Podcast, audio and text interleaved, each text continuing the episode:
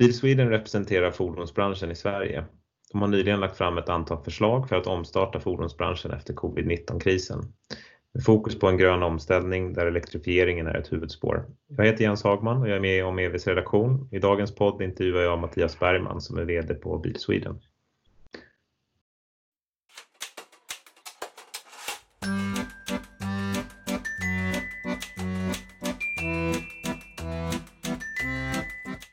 Men jag tänkte vi, vi börjar med lite bakgrund. Så hur har svensk fordonsindustri och fordonsförsäljningen påverkats av covid-19? Det är klart det finns ett långt svar här, men det kanske är det korta svaret. Ja, vi har ju både svensk och global fordonsindustri har ju drabbats väldigt hårt. Eh, först så stannade vi ju på grund av eh, brist i leverantörskedjorna, framförallt med komponenter från Kina och sen blev det komponenter från, från Italien. Eh, nu har produktionen sakta börjat starta upp igen och vi ser att leverantörskedjorna faktiskt fungerar även om vissa komponenter flyger vind. Nu är utmaningen att eh, efterfrågan har, har fallit väldigt högt. Ehm, I de flesta länder så pratar man om minst 50 procentigt efterfrågetapp. Så just nu handlar det om att eh, stor del av Europa fordonsindustri fortfarande är permitterat. För att komma tillbaka i normal drift så måste man nu stimulera efterfrågan för att kunna öka produktionstakten. Och visst är det så att Sverige ligger bättre till, eller mindre dåligt kanske man ska säga, när det kommer till försäljningstapp? Ja, absolut. Vi, ehm, vi har ju inte av lag stängt några showrooms eller förbjudit någon försäljning vissa länder i Europa så pratar man om eh, minus 90 procent i försäljning. Där eh, vi har legat på strax under 40 procentigt försäljningstapp. Så vi har klarat oss relativt eh, mycket bättre än andra. Bil Sweden har föreslagit att kickstarta Sverige genom en grön omställning i fordonsbranschen. Och då har ni ett antal förslag som vi tycker är intressanta och som vi skulle vilja diskutera i mer detalj. Om vi börjar med EU-nivån, då föreslår ni en modernisering av konkurrens och statsstödsreglerna och varför hindrar nuvarande regler en grön omställning? Och tänka till exempel att Northvolt har lyckats få finansiering från EU. Alltså, I grunden så är ehm, statsstödsreglerna bra eh, för att undvika att man snedvrider konkurrensen vilket skulle kunna riskera att det gynnar framförallt de största länderna och då missgynna Sverige som ett litet land. Eh, samtidigt så finns det olika målbilder som kan stå i konflikt med, med varandra. Och just nu så har man väldigt stor fokus på en, en grön omställning som är en väldigt tuff och eh, finansiellt utmanande för industrin att, att, klara av. Och här ser man då att eh, man eh, för att nå klimatmålen så skulle man i vissa fall kunna släppa på vissa gränser, det vill säga stödja industrin att klara klimatomställningen. Och det som ehm, exempelvis eh, Northvolt har tagit del av, det är ju ett sätt att man via en projektfinansiering, eh, Important Project och Central European Interest, har just tummat på statsstödsreglerna. Eh, och där ser vi att man hade kunnat gjort mera åt det hållet, men inte bara i det formatet. En, en annan fråga ni lyfter upp som viktig, det är kompetens. Och då föreslår ni ett stöd till kompetensutvecklingsinsatser. Så skulle du kunna utveckla vad det skulle innebära? Alltså generellt så tycker vi att det är positivt att låt oss utnyttja den här krisen till att stärka industrins konkurrenskraft. Ehm, och när stor del av vår personal är permitterad så har vi uppmanat eh, våra medlemmar att eh, nyttja tiden för kompetensinsatser. Och då har man ju börjat med det som är digitalt och det som är, är gratis. Det vi vill, det är dels att man faktiskt ska kunna koppla korttidsveckan, att man inte bara är frivilligt utan man ska nyttja permitterad tid för att stärka kompetensen och vidareutveckla sig. Och att man då, vissa insatser kommer att kräva en, en, en finansiering.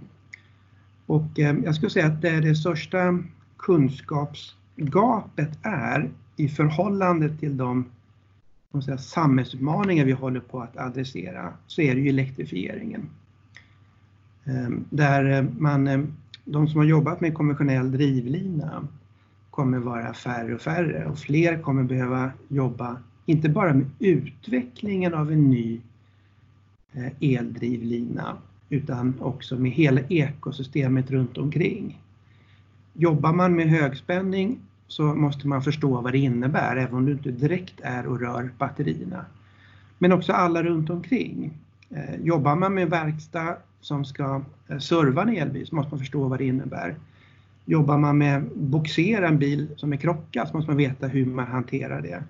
Jobbar man med att demontera en elbil som går in i, i ett second life eller att eh, återvinna komponenterna så måste man veta det. Så att det primärt handlar om att uh, hela kedjan från batterikemi, hur man utvecklar, utvecklar batterier, till hur man uh, bygger elfordon, till hur man nyttjar elfordon och hur man återvinner elfordon. Tycker du att det är staten som ska gå in då tillsammans med industrin eller vem ska vara den ledande parten för de här utveckling eller ut, utbildningsinsatserna? Jag tror alltid viktigt att um, industrin som är mottagare är med och, eh, och eh, definierar ehm, och är med och sätter upp de här utbildningarna. Men eh, det är också viktigt att staten är med och faciliterar att det blir av. Och det är ju för att undvika att stora personaler går på varsel och blir arbetslösa så är det bättre att jobba med industrin till att omskola och förbereda de anställda den här omställningen. Och det har ju vi en lång historia av i Sverige att jobba tillsammans. Du kanske sa det i början där, men nyfikenhet. Hur, hur funkar det med nuvarande permitteringsregler? Om man säger att man är permitterad 40% har man rätt att utbilda sig på 60 då eller är det att man ska gå hemma? Det vi har fått eh, igenom det är att eh, det är okej okay att på permitterad tid eh, hålla på med sysselsättningsinsatser. Det vi lobbar för nu det är att det inte bara ska vara på frivillig basis utan man ska kunna eh, villkora att man ska nyttja tiden till kompetensutveckling. Vi har också lyft fram förslag om att man ska Tillväxtverket ska tillåta att man på permitterad tid ska få fortsätta forskningsinsatser. För då nyttjar man verkligen den här tiden till att eh, stärka konkurrenskraften och snabba på det här teknikskiftet mot en hållbarare fordonsindustri.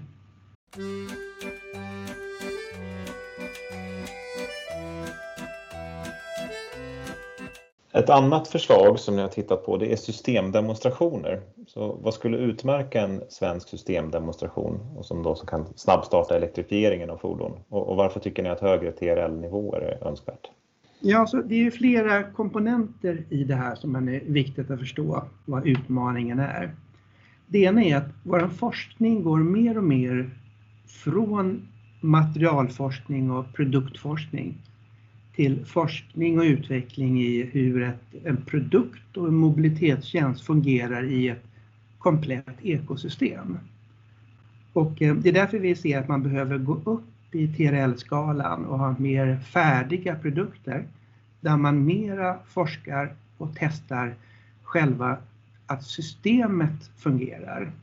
Att det fungerande ekosystemet som är både fordon, eh, laddning, betalmodeller, användarna eh, och hela staden eh, fungerar efter det nya. Och vi har ju haft rätt mycket projekt där man testar en viss teknologi, så har man två mil man testar det eller du har tio fordon som testar något annat. Vad man behöver göra nu det är att man måste testa det här i större skala. För det är bara när man testar det i större skala som man också kan påvisa för konsument och nyttjare att det är ekonomiskt rätt att göra den här omställningen. Så att vi tittar ju på att eh, exempelvis kunna ta Stockholmsregionen och Västra Götalandsregionen och Skåneregionen och ha olika typer av systemdemonstratorer där man ser att en större del av en flotta med olika typer av laddning som krävs beroende på vilken, vilken användning de här fordonen har. Om det är övernattladdning eller eh, om det är publik laddning eller om det är snabbladdning eller om det är statisk laddning eller dynamisk laddning att man ska kunna testa beroende på vilken applikation man har. Eh, och då är det både längre sträckor och ett större antal för att se att systemet fungerar. Okej, okay, och det ena utesluter inte det andra om jag tolkar det rätt, utan den andra forskningen bedrivs som vanligt, utan det här är en, en ytterligare insats då? Ja, absolut, vi, vi kommer behöva fortsätta med materialforskning med eh, lättmaterial och på kemisidan på eh, batterier och vi kommer behöva fortsatt teknikutveckling på laddinfrastrukturen och så vidare. Men, men eh, man måste också möjliggöra just det här med att ha relativt färdiga eller helt färdiga produkter där testningen handlar om hur tar användaren emot det och hur, hur fungerar det i en verklig situation för att påvisa att det här är genomförbart. Och det är också viktigt att vi i Sverige vill ju både som nation men också våra stora industribolag använda Sverige som en testbädd för att kunna visa omvärlden att det här fungerar. Så att andra länder kan, för vi har nog bättre förutsättningar än många andra länder i världen att göra omställningen. Och då behöver vi göra lösningar som är skalbara och skalbara till andra situationer och stadsmiljöer än det specifikt svenska.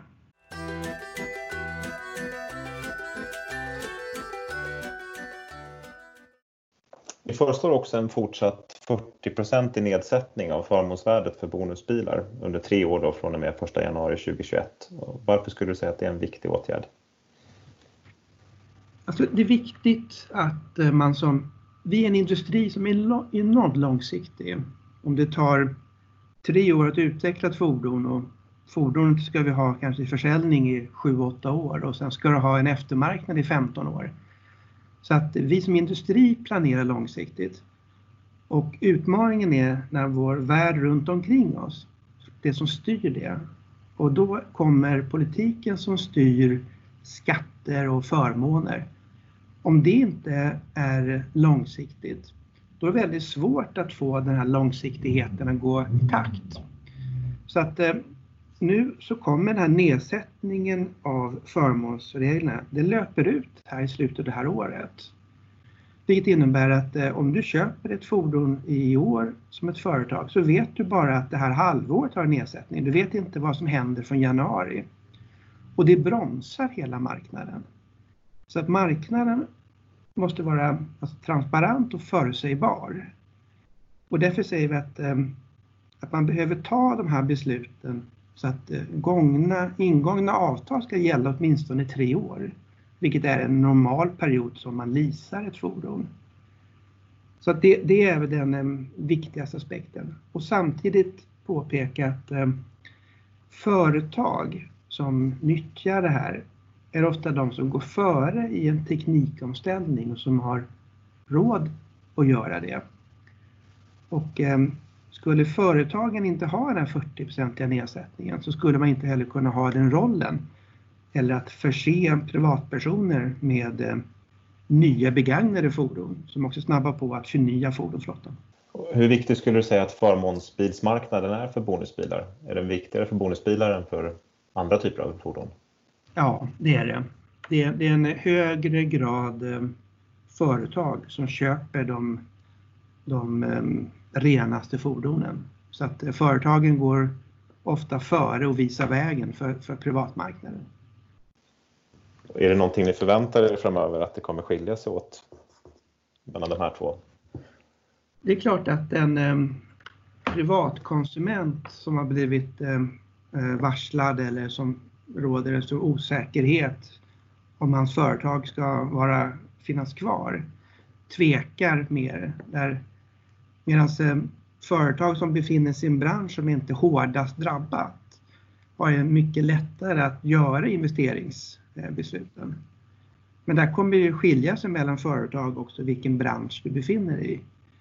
Vi förväntar oss inte om du jobbar i ett företag inom restaurangbranschen som har tappat 70% av intäkterna eller företag som bedriver hotell som har tappat 90% av intäkterna att det är de som är våra största kunder. Utan Men jobbar man inom andra sektorer så ser vi att där fortsätter företagsförsäljningen i mycket större utsträckning. Ett annat av era förslag är att införa förmåner för brukande av bonusbilar. Och varför behöver Sverige detta och hur skulle systemet se ut, tycker du? Ja, det handlar ju ofta när man vill införa något att eh, göra en benchmark mot andra länder och se vart man kan lära sig av. Och eh, sen handlar det om att anpassa det till svenska förhållanden och då vara medveten om att det är sällan en specifik insats som leder till framgång utan det är en serie av aktiviteter. Och vi har ju i, i Sverige då subventioner för att köpa de renaste fordonen. Du har bonus malus som styr mot, mot det exempelvis.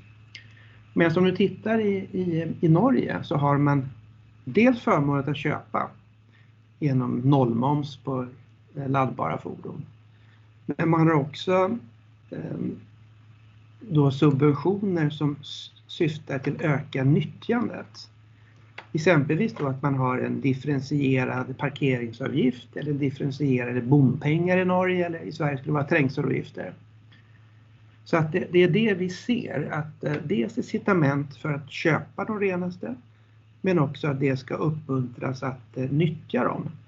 Det är i sin tur också ett verktyg att de här renaste fordonen blir kvar i Sverige och inte exporteras Eh, där elbilarna går till Norge och gasbilarna går till Holland och så vidare, att de blir kvar i Sverige.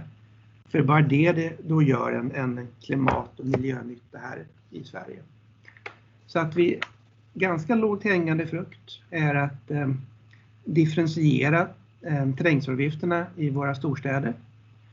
Man skulle kunna differentiera parkeringsavgifterna och boendeparkeringsavgifterna så att ett antal av den typ av insatser i kombination med att ha kvar styrmedlen för köp, då leder till resultat. Jag tolkar det rätt att det är morötter som är bättre än piskan, för det, för det finns väl ett förslag liggande nu om att man ska behöva betala tillbaka den här eh, bonuspremien på 60 000 till exempel, om den går på export. Vad, vad tycker du där, piska eller morot? Vad, är det morot som gäller?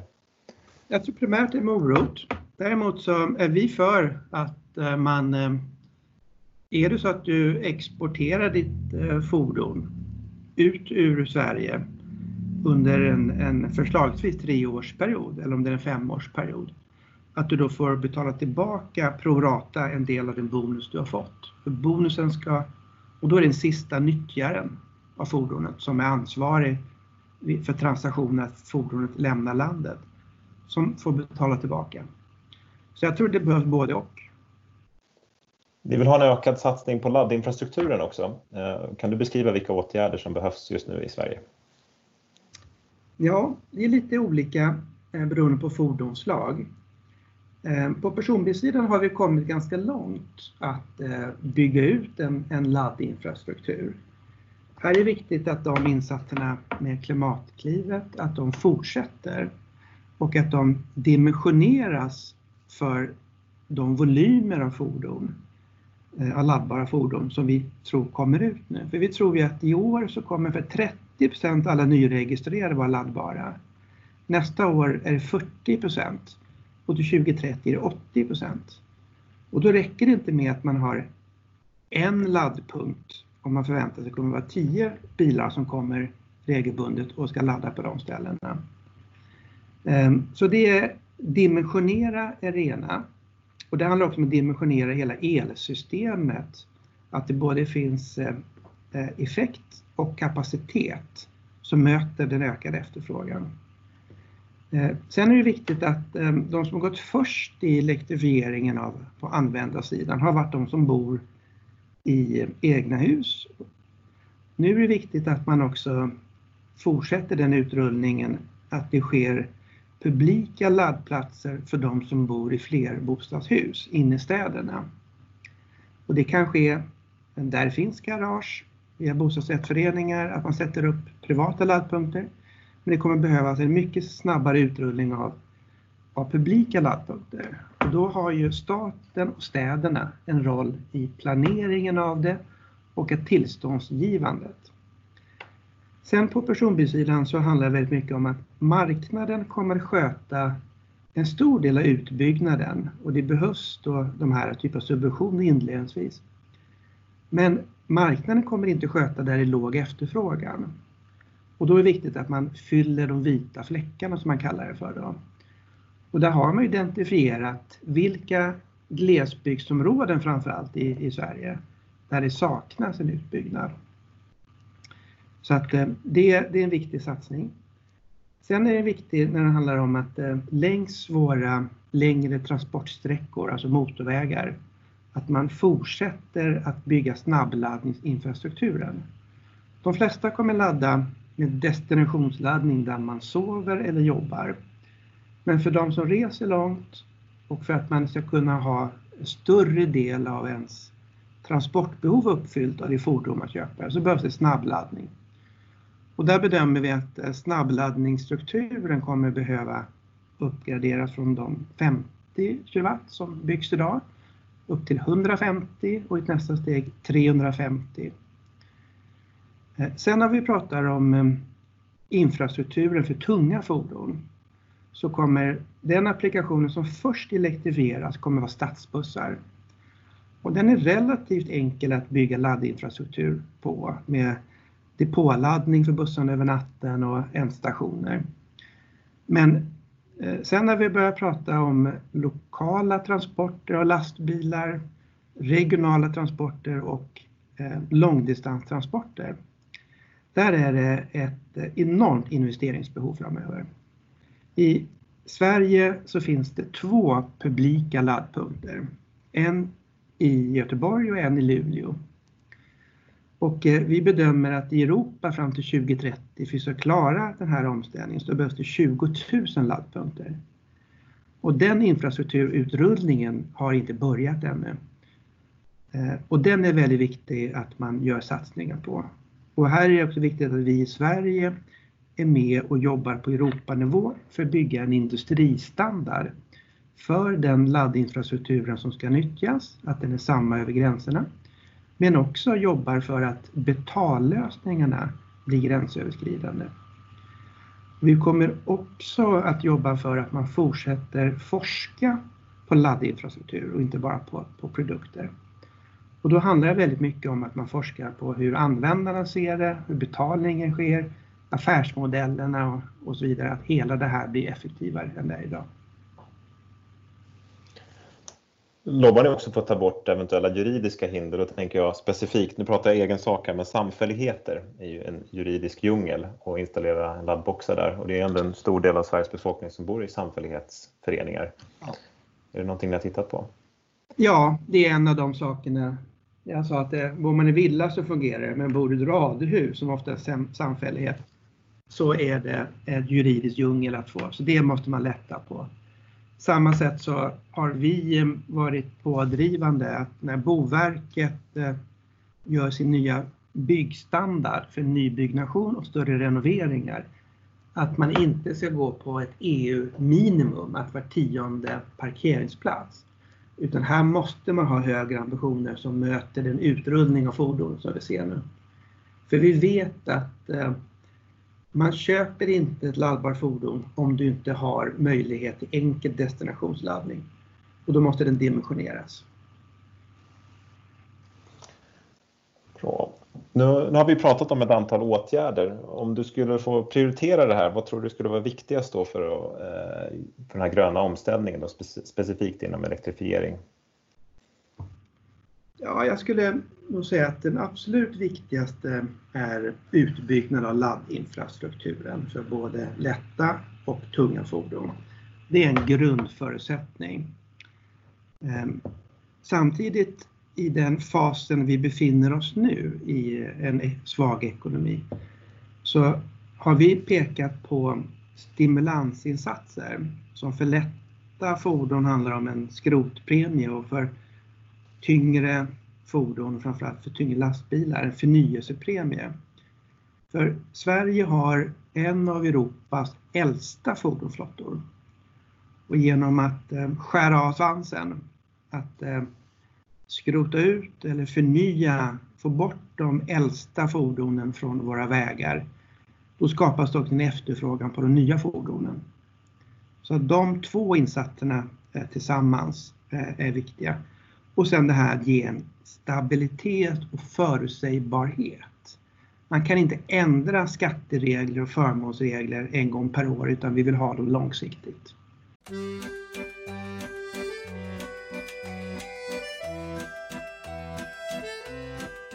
Och nu har vi pratat ganska mycket som är covid-19 specifikt, men det pågår ju en stor omställning inom fordonsindustrin generellt. Eh, vilken av de här förändringarna som sker just nu då tror du kommer påverka svensk fordonsindustri mest på sikt? Alltså, om man pratar om eh, de tre megatrenderna som fordonsindustrin eh, går igenom för att adressera, när man pratar stora samhällsutmaningar, så är den trenden en form av byte av drivlina där eh, huvudsakligen handlar om elektrifiering och eh, där rena elfordon, först, ladd, först laddhybrider, sen rena elfordon och så småningom även med bränsleceller. Eh, det är den kanske största trenden som är mest produktnära och ligger närmare, närmast oss. Den bedömer jag i alla fall att den förstärks nu under covid-19-krisen. Man ändrar inte på den långsiktiga strategin utan den kommer man genomföra. När det handlar om trenden att eh, gå från en passiv säkerhet till en aktiv säkerhet till helt autonoma fordon så ligger eh, strategin kvar. Däremot så kan det nog bli en hel del omprioriteringar i vilka projekt man just nu stoppar pengar på. Det är för att man har en begränsad plånbok som har blivit mindre man måste därför göra projektprioriteringar. Sen eh, delningsekonomin. Eh, jag tror generellt att eh, på kort sikt så kommer det den här covid-19-krisen att gynna privat ägande mot kollektivtrafik. Men där delningsfordon, allting från hyrbilar till samåkningstjänster och till bilpooler, att de också kommer gynnas på bekostnad av kollektivtrafiken i kortare perspektivet. Men då med insatser att desinficerings, eh, och, och så vidare och att det kommer vara färre i bilarna eller att de nyttjas ensamma. Då. Vad bra, då är vi inne på sista frågan som är ett litet annat spår men det pratas en hel del om att fordonsindustrin bör bli mer vertikalt integrerat, till exempel för att säkra tillgång och pris på batterimetaller. Och Tesla är också ett annat exempel där man har egen försäljning, vilket är en form av vertikal integration. Tror du att fordonsindustrin går att bli mer vertikalt integrerat eller är Tesla ett undantag här? Alltså Tesla gjorde ju det för att man i princip inte hade något val. Man var tvungen att eh, säkra batteriproduktion Eh, och för att kunna ha batteriproduktion så var man tvungen att säkra batterier. Och ehm, man var också eh, ville ha kontroll på kundupplevelsen. Eh, jag tror att det är generellt hos ehm, våra fordonstillverkare globalt att alla vill komma närmare kunden. Det vill säga ha någon form av direktförsäljning som också pådrivs av covid-19, att det blir mer och mer en digital försäljning hela vägen ut till leverans till, till kund. Det kommer att eh, stärkas. Sen eh, tror jag inte att fordonstillverkarna generellt kommer att eh, starta egna batterifabriker för det är så pass unik kompetens som krävs i batteriproduktion. Däremot så kommer ju, som vi sett redan nu, att några av de stora för att säkerställa att det finns batterier så kommer man investera eller teckna långsiktiga köpkontrakt med batteritillverkare.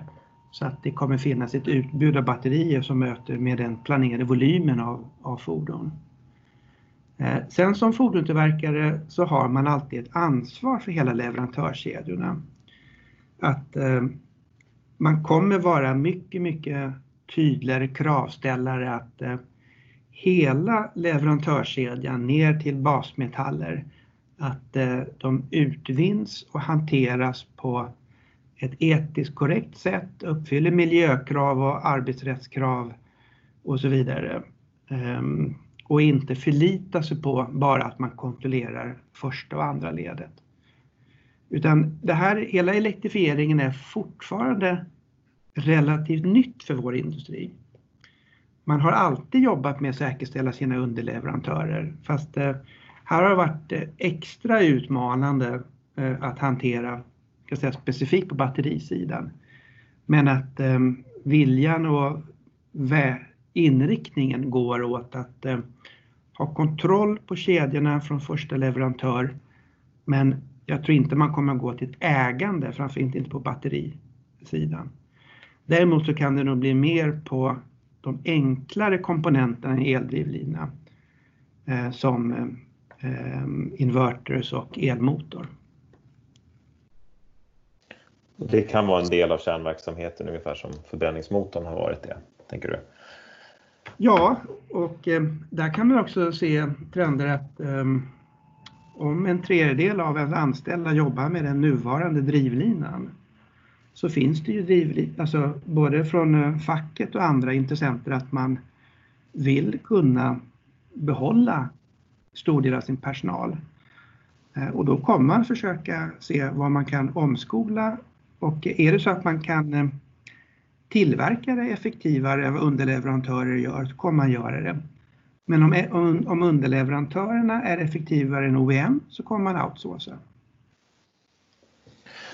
Så för lite historiskt här då, vad är anledningen till att bilindustrin är strukturerad på det sättet den är idag? Eller fordonsindustrin generellt, tänker att man använder mycket underleverantörer. För Henry Ford, han hade väl sina egna gruvor till och med, det var väldigt vertikalt integrerat.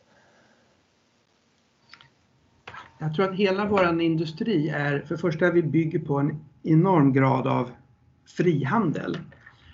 Ehm, och att man optimerar det man är bäst på. Och då har ju tendensen under många år varit att man outsourcat mer och mer. Man har gått till det, det jag kallar för en asset light. Att man, det finns ju nystartade fordonsföretag som säger att man inte vill äga ens sin produktionsanläggning utan man vill bara utveckla fordonen och ha kontroll på det.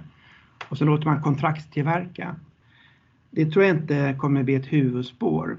Men att, eh, att insourca alla komponenter, det bygger på tron att man är bäst på allting. Och eh, det kommer inte vara fallet. Utan jag tror att eh, vissa komponenter kommer insourcas för att man ser dem som kritiska och strategiska. Men stor del av, av komponenterna kommer fortsättningsvis vara outsourcat. Superspännande. Vi, jag tror vi kommer ha anledning att återkomma till det här. Vi ska skriva om det här till hösten. Ja, det var väldigt bra. Du, du fick lyssnarna eller läsarna, läsarna här på en liten uppvärmning. Ja, vi... hela förändringen i leverantörsstrukturerna och hela förändringen i eh, de globala leverantörskedjorna är någonting som vi talar om väldigt mycket inom industrin just nu. Det här är en podd från nyhetsbrevet om EV som är finansierat av Energimyndigheten och värdar är Swedish Electromobility Center. Musiken ni har hört är från bandet Vintergatan.